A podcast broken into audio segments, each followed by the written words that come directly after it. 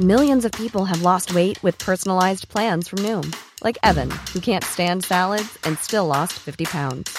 Salads, generally, for most people, are the easy button, right? For me, that wasn't an option.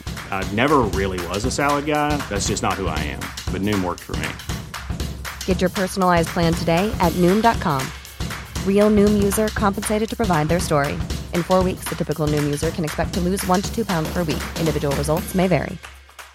Ryan Reynolds here from Mint Mobile. With the price of just about everything going up during inflation, we thought we'd bring our prices down. So to help us, we brought in a reverse auctioneer, which is apparently a thing. Mint Mobile unlimited premium wireless. Ready to get 30, 30, bit to get 30, bit to get 20, 20, 20, bit to get 20, 20, bit to get 15, 15, 15, 15 just 15 bucks a month. So, Give it a try at mintmobile.com slash switch.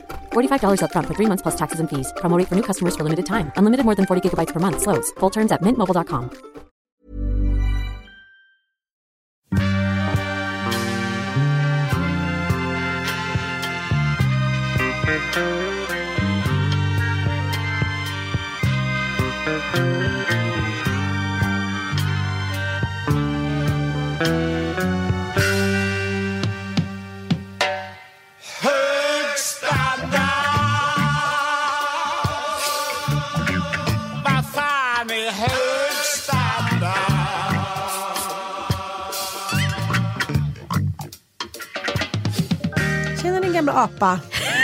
Vad gullig du är. Vi sågs ju faktiskt för typ några timmar sedan. Ja. det. Är turnélivet. Vet du vad Mattias sa när kom hem? Är du sams med Anita nu?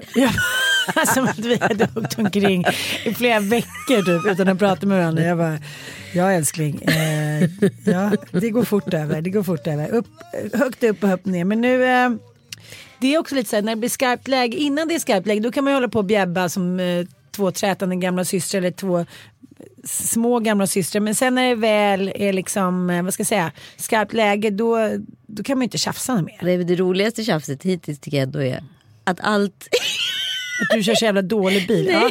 Ja. att allt i manus var avhängt på att jag var tvungen att outa någon anekdot från Tyskland. Om när vi var där och semestrade, jag och mina föräldrar. Annars skulle inte du kunna skriva manus. Det blir liksom som nedslag i den kreativa verkligheten hela tiden. Så blir man låst. Om inte det kommer då är det kört. Då Liksom. är det kört, det är över.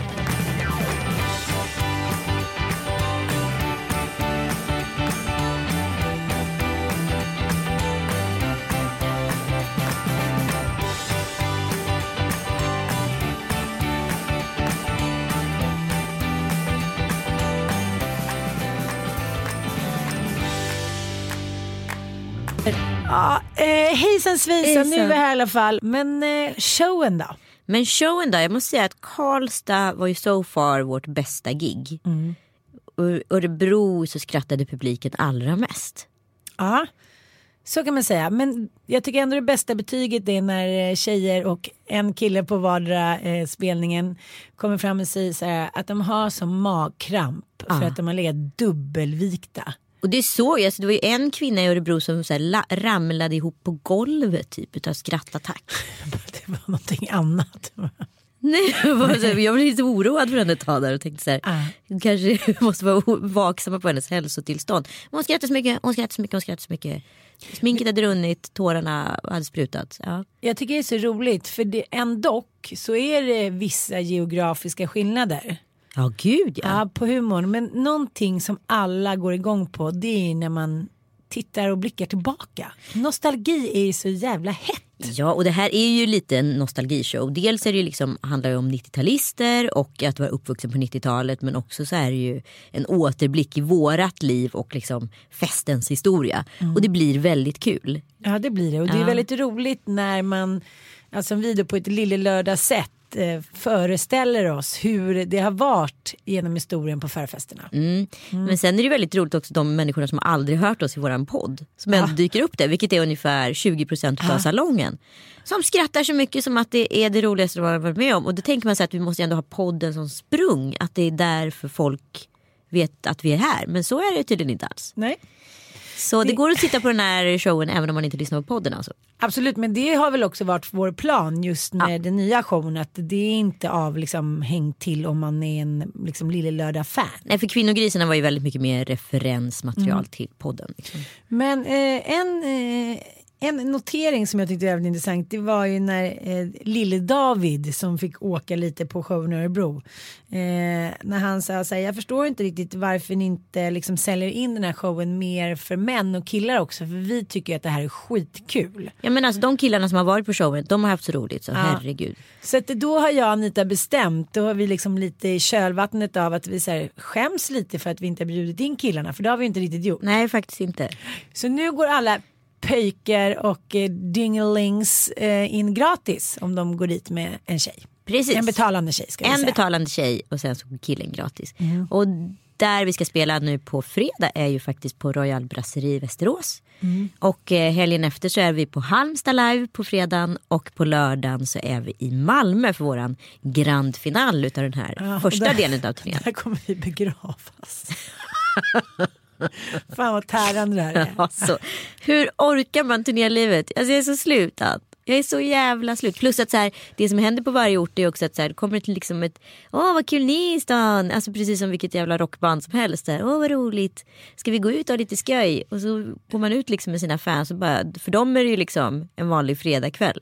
Ja, för oss är det liksom vi sitter som två så här slaka fiskar som sprattlar till lite när någon häller lite vatten på oss. Liksom. Lite bubbel så här. En, en, Ja, jag fattar. Så att jag tänker så här, vi har ju kompisar som är ute på turné typ 170 dagar per år. Nej men alltså skjut mig. Men skjut mig. Det måste finnas liksom en standard, ett standardformulär för hur man gör en turné efteråt. Jo men det är såklart att man så här hamnar i så här barnsjukdomar och fällor i början. Så här, Åh, nu kör vi! Och sen efter ett tag inser man om man ska orka då får man liksom köra en professionell. Men jag kommer ihåg att eh, Lindström och Schyffert pratade om om de ska gå in i brasan eller inte. Det vill säga att gå in i brasan det är som att gå fram till majelden och stå bland alla andra och liksom kolla på brasan.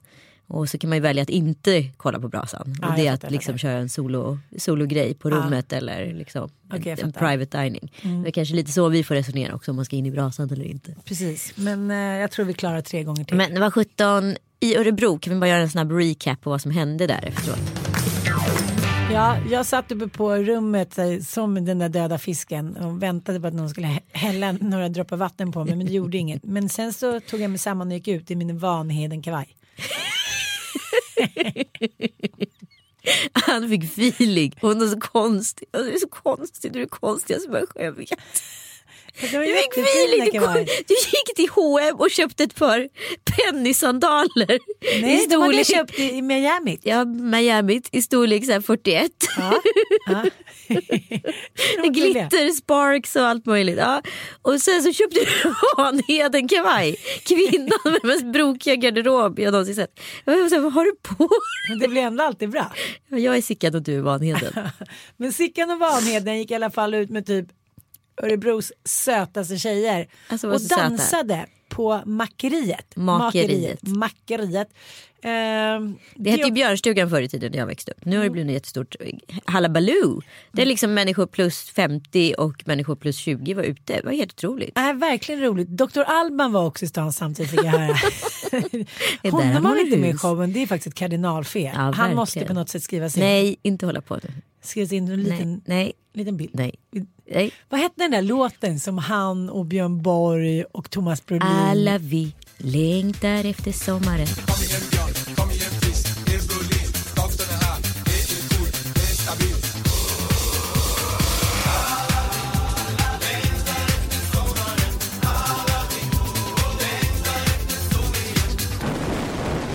Det här, blev det här en hit eller har jag bara drömt det? Nej, men det blev ju en ironisk hit. Ja, jag fattar. Alltså du fattar, den, folk spelade den för att de tyckte att den var liksom pajig. Mm.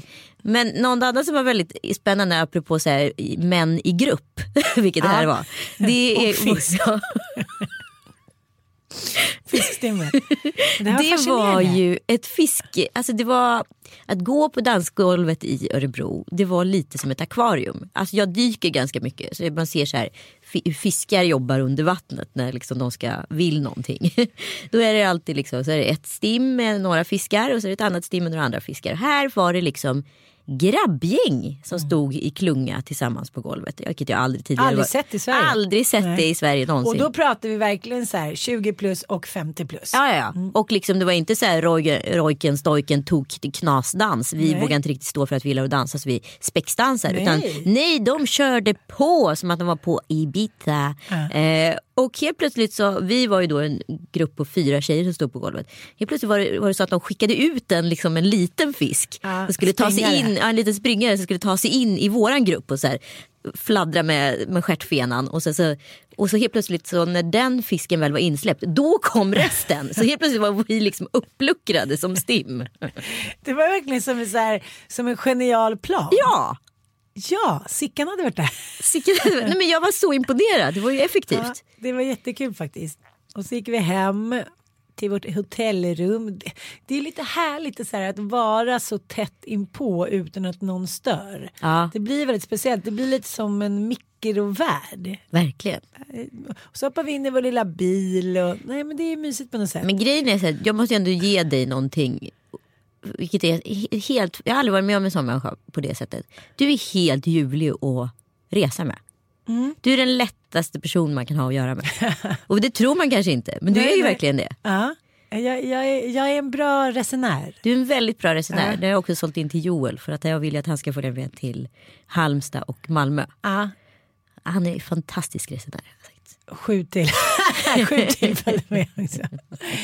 Kom och kolla på oss, det är roligt. Ni kommer vara glada i veckor efteråt. Ja, men, eh, alltså, Ja. Jag får så mycket kärlek utav våra fans där ute som faktiskt varit på showen. Så jag är så glada. Hjälp till snälla, snälla, snälla kära lyssnare att sprida ordet. För att tyvärr var det liksom inte så många som hade fattat att den ens var i Örebro. Karlstad var ju fullt men liksom, Örebro var det tyvärr liksom halvfull salong. Det var lite trist tycker jag. Ja, men det var en väldigt stor salong. Det var en jättestor salong. Men, men eh, det är också så här när man inte har någon i ryggen som hjälper en med marknadsföring. Precis. Då är det svårt att nå ut. Särskilt liksom, Örebro är ju en ganska stor stad i Sverige och där är det mycket som händer hela tiden. Så att, eh, Ja men Halmstad kom igen, sätt upp på liksom högskolor och universitet. Puffa för oss och lika så i Malmö och i Vässan. Och det kan vi säga att också att alla som pluggar kommer in för 150 spänn med Studentlägg. studentlägg. Det är någonting vi vurmar för. Okej, vi ses på fredag i Vässan. Jag tänker ofta på det att man verkligen borde vara mot sin kille som man är mot sin bästa kompis. På vilket sätt då? Men att man så här, har så liksom mycket överseende med den personen. Eh, man liksom går in i något organiskt fält där man så stöttar varandra utan att sätta dit den andra. Eh, och det märker man ju här, i en vanlig relation när det varit ganska liksom, ansträngt som för oss som inte har, har någonstans att bo och flytta runt. Det är klart att det liksom Ja, jag tror att vi kanske klarar, ja, vi kanske klarar det bättre än vad många andra gör eftersom jag är lite så här wherever I lay my hat. Jag vet ju, jag har många kompisar som, särskilt tjejkompisar som skulle liksom bryta ihop efter en vecka. Jag har kompisar som varit utsatta för att så här, bo i en annan lägenhet några månader och så här, det är den värsta perioden i deras liv. Jo men lite så har det varit för mig. Vi har haft så här övernattningslägenheter och sådär. Uh. Men jag börjar närma mig i och för sig. Jag börjar närma mig den känslan när jag kom hem igår och Mattias skulle gå ut och käka middag och eh, jag gick hem till lägenheten vi har lånat och så här, jaha du har, bara, du har inte tagit med något mer täcke. Så då låg vi alla fyra i en 1,20 säng med två kuddar och ett täcke. Oh. Mm. I morse var det lite så här, Mattias bara, är, det, är allt okej? Jag bara, det är okej. Andas, andas. I morse kände jag så här, nu får du kämpa. Idag får du kämpa. Mm. Men nu åker vi till en annan lägenhet. Sen på fredag, men du vet, man bara så här, vad fan. Ja, men eh, två veckor kvar, två veckor kvar. sen får vi vårt hus. Sen flyttar vi till Gotland. Så är det någon som vill säga, ge mig ett hus närmsta två veckorna eller en lägenhet där jag kan bo. Så kommer jag vara evigt tacksam. Forever and ever. Inboxa mig. Och det kan vara ett sketet sommarhus, det kan vara vad som helst. Så är det ju. Ja. Eller vadå sketet, så kan man ju inte säga. Ni älskar ju ert sommarhus, men ni fattar vad jag menar. Ja, men andra små egenheter som vi har märkt på vägen. Du är ju en riktig whistleblower driver. Det är någonting som händer. Så fort en liten så här, vissling eller vindpuss kommer, då sladdrar du till. Som att vi Nej, har, jo, som då att vi, sitter jag och rattar på radion som eller att gör vi något. hade en bil som var, vägde ett gram. Ja men det har vi. Och det är jag sjukt störd på dig när du kör så här hur snabbt som helst och ser plötsligt så bara vum. Så liksom drar du till med ratten så det känns som att man ska wobbla av vägen. Skriker du som att du är en tant. Ja, men, ja, men, alltså, Kraxar åt. men jag har också fått medhåll från Joel. Ja, men, oj, svårt att säga please the audience. Alla säger faktiskt att du är jättedum. Nu kör du den igen. Nu kör du den igen. Men bara Joel. Och du har stört dig på hur jag Ja, kör men bil. alltså, du kör är ju-. Jag du var tycker- mitt jävligt slarvigt. Ja det säger ju allt. Men vad är grejen? Nej, men, vad är grejen Alf Söderlund? Nej, men du är ju andra sidan, jag sitter ju och luftbromsar när du kör. För du ligger ungefär en och en halv till två meter bakom någon. Babblar, kollar på andra saker. Vi ligger i 120 på motorvägen. Då ligger du liksom, jag bara säger, om han skulle tvärnita då skulle vi liksom ha kört in i röven och liksom passagerarsätet och framsätet inom loppet av ett hundradel. Skulle jag sluppit dig? Ska jag slippa dig också? Dödsturnén. Men det är roligt att det finns verkligen olika sorters bilförare. Jag har rumpan, det var liksom vinden. Svajen. Och sen så har jag ju en kompis, jag behöver inte nämna några namn men han är, ja, vi kan kalla honom för Filip Hammar. Han kör ju trycken, den som farmor och kör. Stanna, gasa. Nej. Bromsa, Åh gud, det gasa. och det är det värsta jag vet. Vid rödljus när man säger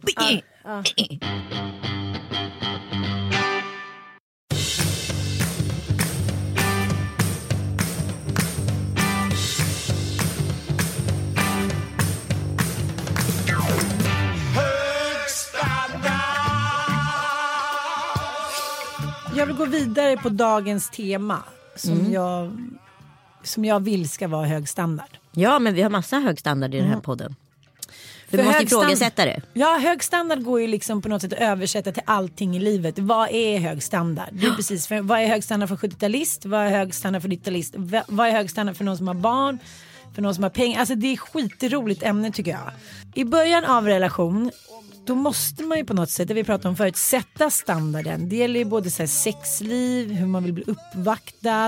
Eh, Den viktiga är. slotten på Ja. en och en halv månad där du har Precis. möjlighet att fylla Sen är allt. slotten över. Sen är slotten över, sen är det stängt. Ja, Där och- sätter man standarden för relation. Precis, sen kan man ju sitta liksom fem, tio år senare hos terapeuten och säga så här, ja, jag gillade egentligen inte, jag ville inte flytta utanför stan eller jag gillade inte, Blodpudding. ja men precis, eller att du eh, liksom klädde upp mig i en så här sexoutfit som jag inte gillade. Men annars har du ditt lilla fönster på typ en och en halv månad. Och då sätter man standarden.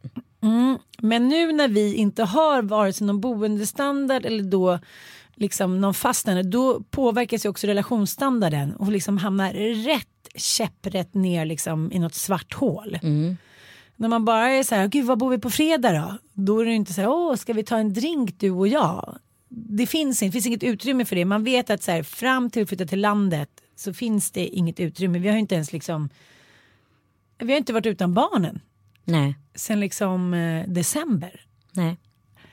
Eh, och så var vi hemma hos eh, några av våra bästa kompisar igår och eh, ja, men de är ju så här, förstår ni, ni kan bo här och liksom stackars er och alla tycker så synd om oss hit och dit och ja, ni måste liksom få lite tid själva och sådär och man bara så här, whatever. Och så var vi hemma hos eh, Kalle och, eh, och Jenny igår och då var han så här, gud nu kommer Jenny snart hem och så här, ska vi inte boka en New York-resa som jag kan överraska henne med och så tog han fram någon ring han hade så här eh, designat i Sydafrika som hade skickats därifrån som var bara så här en lång vitgulds liksom ring, så här, helt fantastiskt. Och där satt jag bredvid och så här, jaha.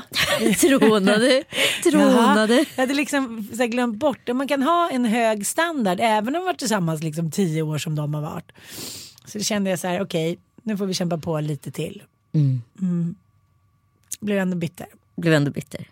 Och berättade det, för Mattias hade gått på sin middag, så jag berättade det väldigt detaljerat i morse. Hur den där ringen såg ut. Du har blivit Gollum. My precious. My precious. Relationens egna Gollum. Vi tar en annan formulering på hög standard så kanske vi ska ta en liten recap på vad som har hänt på Svenska Akademin. Allt börjar ju med, ehm, att i DN, var det i november, Mm.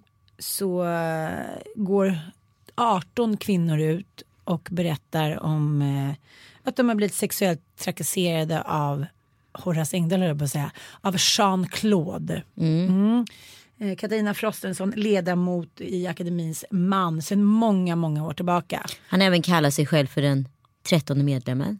Eh, och då kan man tänka så här, gud det här är ingenting som någon har vetat om att han har varit en galen tafsare. Men det har alla vetat om. Alla från du och jag, du har blivit utsatt för honom. Japp. Alla våra kompisar har blivit utsatt för honom.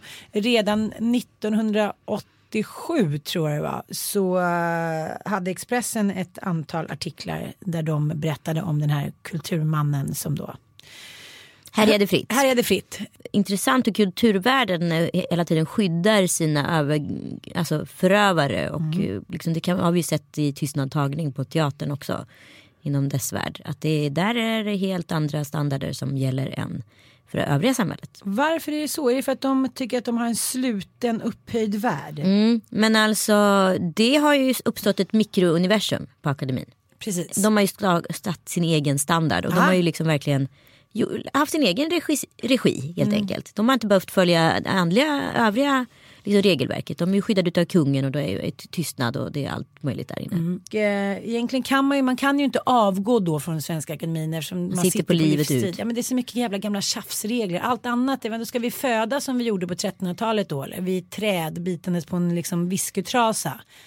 Eh, det blir så här, det vi pratade om förut, att isolerade grupper papper eh, kan ju inte spegla sig mot verkligheten. De speglar sig bara mot varandra och det är ohälsosamt. Ja men akademin instiftades av Gustav III och syftet var ju att mot kyrkan ha ett intellektuellt samfund som eh, liksom stöddes på information från upplysningstiden. Alltså eh, den intellektuella världen där vi började ifrågasätta om det verkligen var så att eh, vi var skapade av Adam och Eva. Om det faktiskt fanns en vetenskaplig liksom, grund för det här. Eh, alltså där börjar ju så att akademins syfte har ju alltid varit gott. Sen så har ju liksom samtiden förändrats och vi sekulariserade och så vidare. Och sen så har ju akademi, akademins uppgift att ta fram Nobelpristagarna. Eh, tagarna. Och då väljer man då att eh, liksom, eh, väl, ja, välja in Sara Danius för tre år sedan. Vilket var liksom, tycker jag, ett, här, ett litet tecken på att man ville på något sätt öppna upp kanske. Mm, det var ju ett kontroversiellt val redan- då. Precis. Och ehm, för er som inte vet så är ju Sara Danius eh, ja, Anna Wagens dotter, hon som har skrivit barnaboken, också varit lite i blåsväder senaste åren. Hon bor nu i Indien och sitter och skriver Facebook-upplägg och försvarar sin dotter. Hur som helst så kom eh, advokatfirman fram till att eh, Jean-Claude hade inte mindre än sju gånger eh, avslöjat innan eh, vilk, vem Nobelpristagaren skulle bli i litteratur. Ja men om man tar nu Sara Danius som kanske framstår som liksom en maktens fullkomlig. Hon är uppväxt under väldigt liksom påvra förhållanden med sin mamma Anna Wahlgren. Eh, som knappt hade några pengar på den tiden. Som gifte sig då med hennes pappa eh, vid 18 års ålder. Det var hennes fem, Anna Wahlgrens 54-åriga lärare.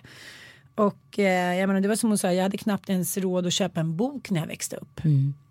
Eh, men eh, ja, så att, man måste ändå säga att hon, hon har varit liksom en av folket. Man ska säga. Det som kanske kan vara lite anmärkningsvärt det är att hon beställer den här utredningen och drar upp riktlinjerna helt utan att förankra med någon annan. Ja, och de går på löpande faktura. Precis. Mm. Det kommer ju vara en saftig nota för Mm, akademin. ja. Men Nej, det men finns jag ju menar- stöd ovanifrån så det ska nog inte Ja men vadå, du kan väl hellre lägga pengarna på det än att lägga pengarna på Jean-Claudes klubben eller liksom feta lägenheter i Paris. Ja, ja absolut. absolut. Men Gött ändå att vara med i akademin. Så jävla göttigt. Vilken jävla superklubb.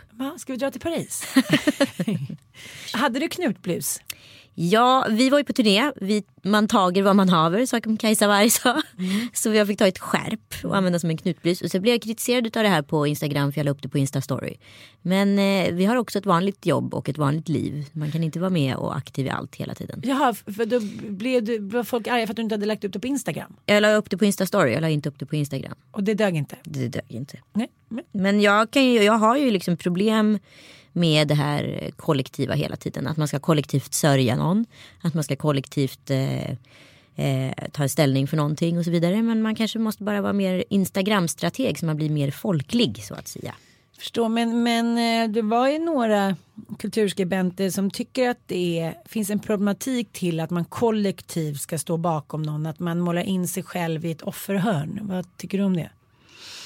Jag, jag vet inte riktigt. Jag, det, det här brottas man ju med hela tiden. För om man kollar liksom på metoo-drevet, vilket det också var. Allt som inte var bra med metoo var ju att det var ett drev. Och eh, olika personer ställdes vid skampålar och så vidare och eh, pissades på offentligt. Alltså det, Ja, vi, har ju, vi- har ju så samma hjärna som vi hade på medeltiden. Det är ju Ja. bara liksom mediet eller forumet för uttrycken som har förändrats. Och här såg vi ett typexempel på hur, medeltid, hur aktiv medeltidshjärnan fortfarande är. Eh, så att jag är jävligt dubbel till såna här grejer. Jag vet inte heller exakt vad som har hänt på akademin. Jag backar Sara Danius absolut men det är ingen som har insyn i akademin. Förstår du vad jag menar? Jag har ingen aning. Tillbaka till häxprocessen. Tillbaka till häxprocessen. Sen är det ju absolut utav största behållning att backa en kvinna som har kämpat för sitt liv och sin heder. Det kan jag inte säga. Idag är ju egentligen nästan alla kända. Idag är det ju lika alltså det finns ju några av Sveriges största youtubers och instagrammare bor ju inte ens i Stockholm. De bor ju ute i landet. Och där har man nästan ingen aning om på orten vem de personerna är. Men du har stenkoll på dem om du bor i USA exempelvis. Så att kändisskapet har ju egentligen förflyttats till från liksom en offentlig arena hem till någons eh, vardagsrum eller sovrum där man sitter på sitt flickrum och youtubar. Liksom. Eh, där kan det vara hur stor som helst.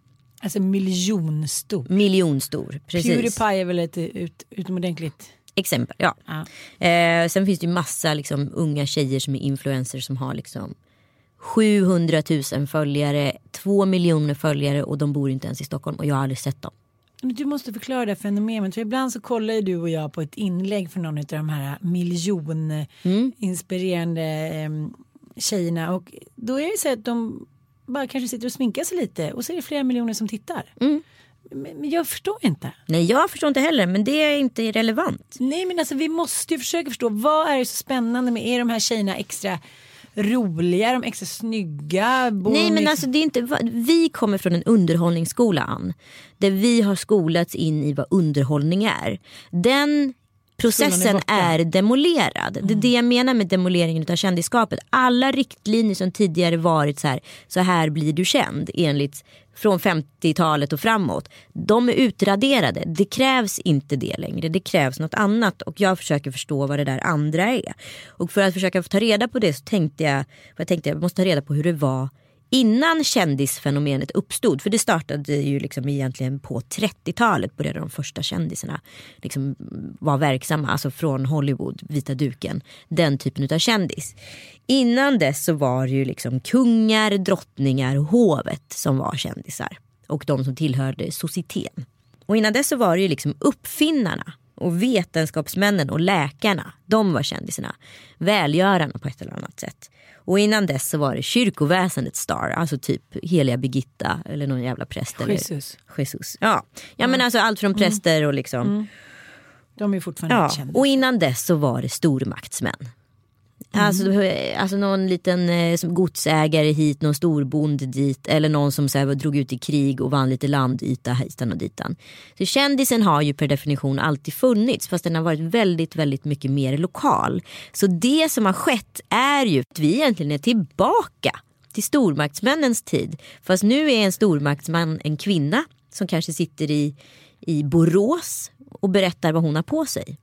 För de i Borås, men inte speciellt många, men fler i Stockholm och ännu fler ute i världen. Är inte det här så spännande?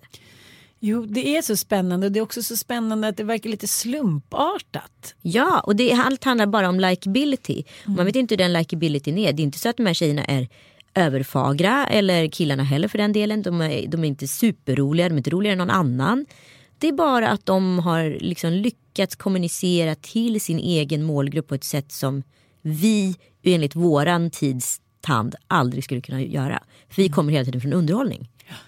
Det är sant. Spännande. Eller hur? För mig är det så här, hur mycket jag än försöker kan jag inte förstå. Nej, men jag ser, jag ser en parallell här. Okej, om vi tänker på tal.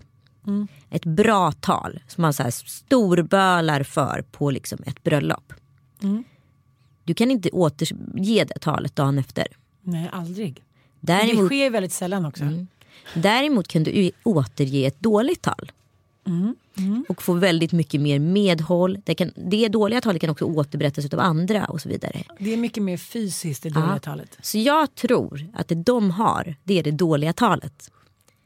Det är någonting som inte, förstår du metaforen för det? Mm, jag fattar, jag Alltså fattar. d- att de kan återskapa någonting som är väldigt mycket mer folkligt och allmänt. Det är lite som på 50-talet eller var det 60-talet så kom det ju en, en snubbe som en bandyspelare som hette Snoddas. Ja, Som eh, åkte runt i folkparkerna och skapade hysteri. Jag var ung en gång för länge sen En flottare med färg Alla jäntor var som vax ut i min famn I alla torp, i alla byar hade jag en liten vän. Ifrån Norderås till skiljet ner vid berg. Hade Rian, hade ra, hade Rian, hade ra. Ifrån Norderås till skiljet ner vid berg. Jag har spelat Hade Rian, hade på ra, mitt hitten? Hade ån doppa morsan i choklad blev det ju sen då. Mm. Ja och sen fanns det även Jokkmokks-Jocke. Ska vi lyssna lite på honom också? Gullegulla koko som en gök Jag bjuder dig på rum och kök Kom älskling och gör ett försök I mina två rum och kök Eh, båda de här männen eller killarna skapade en hysteri som vi nästan inte kan förstå. nej och det, vi kan säga att Youtube-kändisen är samtidens Jokkmokks-Jocke. För att hitta någon form av parallell. Att kunna så här, återberätta metaforen av ett dåligt tal. Men det är väl någonting som, så här, någonting som talar till ens inre som inte är så himla komplicerat utan ganska banalt men ändå med värme och kärlek. Lite som Lill-Babs liksom. Siw Malmkvist. Att så här, de har någonting autentiskt. Ja, men det, det vi har, vi kanske är väldigt kul för stunden. Förstår du? Under tiden någon som är en youtuber är kul för att man kan återberätta skämtet. Har du sett Youtube eh, humorkillarna exempelvis? Vilka av dem? Ja men det finns ju hur många humorgäng Ja, jo som men helst. lite grann liksom. Det är inga genier. Det är inga humorgenier. De skulle aldrig kommit liksom, de hade aldrig fått liksom Killinggänget effekten idag. Men är det inte bara att de är också jävligt uthålliga? De är svinuthålliga men skämten är inte briljanta. Det är väldigt, väldigt låg nivå. Det, Det är är, ganska väldigt buskis. buskis. Det är superbuskis. Men det går att återberättas och det är det som är buskisens styrka. Att den kan återberättas. Ja, Stefan och Christer, Flack, Killinggänget hade ju aldrig breakat ifall de hade kommit Nils idag. Poppe, Eva Rydberg. Nej, nej, det tror inte jag heller. Det var liksom en samtid som var så smal och så liksom pikande just då. Ska vi avsluta med att prata lite om dig och Joel? Varför då? Vad är det dags nu? Vad är det nu då? Du skämmer bort honom. Mm. mm. Igår åkte du och hämtade honom efter en hel helg, du var helt slut. Då åkte du och hämtade honom i, i Uppsala. Tänk, visst skämmer du bort honom lite? Du sa hans mamma skämmer bort honom så mycket. Sen bara, då kommer jag hämta dig i Uppsala älskling. Mm, okej, Ann Södlund. Eftersom du älskar att sälja ut mitt privatliv. Eftersom du är så själv duktig på att sälja ut dig i ditt eget. Ska du dra in mig på det här? Ja. Så här är det. Joel var uppe i Gävle hos sina kompisar. Ja. Och jag längtar så otroligt mycket efter honom. Alltså jag längtar så mycket, mycket, mycket. Och då skulle han sitta kvar i Gävle och kolla på någon jävla Djurgården derbymatch. Och i sådana fall komma hem klockan åtta på kvällen. Jag var ju hemma i Stockholm först vid två. Då skulle jag alltså missa hela dagen med honom. När vi äntligen hade liksom en underbar eftermiddag tillsammans. Så då tog jag ett drastiskt beslut att köra de där 6,5 milen till Uppsala för att hämta honom. Så att vi kunde ha en eftermiddag tillsammans. Och tillbaka. Ja, och tillbaka. Jag tyckte inte alls att det kändes drastiskt, det var så självklart. Så självklart var det. Men jag längtar så mycket efter honom. Då måste, det, var- då, det är väl, du pratar om så här, kärleksstandard och att du har tappat det. Det här var väl ett sätt att så här, höja st- Bra kärleksstandarden. ihopknytning av säcken. Men det jag fick, jag fick sån otrolig back, backflash. Back, back, backflash. Nej men den där känslan när man var hemma hos mamma och pappa. Och de tog hand om och så var man kvar så var man så slö. Så bara, jag orkar inte åka hem, jag ligger här ett tag till. Fast man egentligen kanske inte ville vara kvar. Bara för att så här, man fick lite hög standard. Liksom, förstår jag menar? Ja, ja, ja. Av, ja, men bortskämd av sina föräldrar på något sätt. Och där tänkte jag så här, gud, där, där blev det en krock för mig med hans ålder. Att jag tänkte så här, som att man nu överhuvudtaget skulle tänkt på att man skulle här, ligga i sina föräldrars soffa en eftermiddag istället för att åka hem till den man älskar. Det skulle ju inte hänt. Liksom. Nej, nej, nej, nej. nej. Tyckte bara att det var roligt och gulligt. Ni som kommer till showen kommer få ett litet skratt. Ja, Ann älskar ju att skämta om Joel. Joel vågar ju inte gå på Nej, showen det i, han i. Malmö för att han är så rädd att han ska bli uppdragen på scen och sådana där saker som han får så här, panikångestattacker utav. Är han torr? ja, vi avslutar tycker jag med lite mer hög standard. Peps Persson. Tack. Tack för eh, er och eh, vi ses på fredag. Ja, och biljetter bokar man på tixter.com och glöm inte bort att tävla och få sjunga med oss till Barcelona. Hallå, hur fett kul ska det bli? Fi, fi, Alltså jag är så pepp på den här festivalen så att eh, mitt Coachella. Vivi, jag får bära dig därifrån. Puss och kram, ha det så bra. Hej. Hög standard fan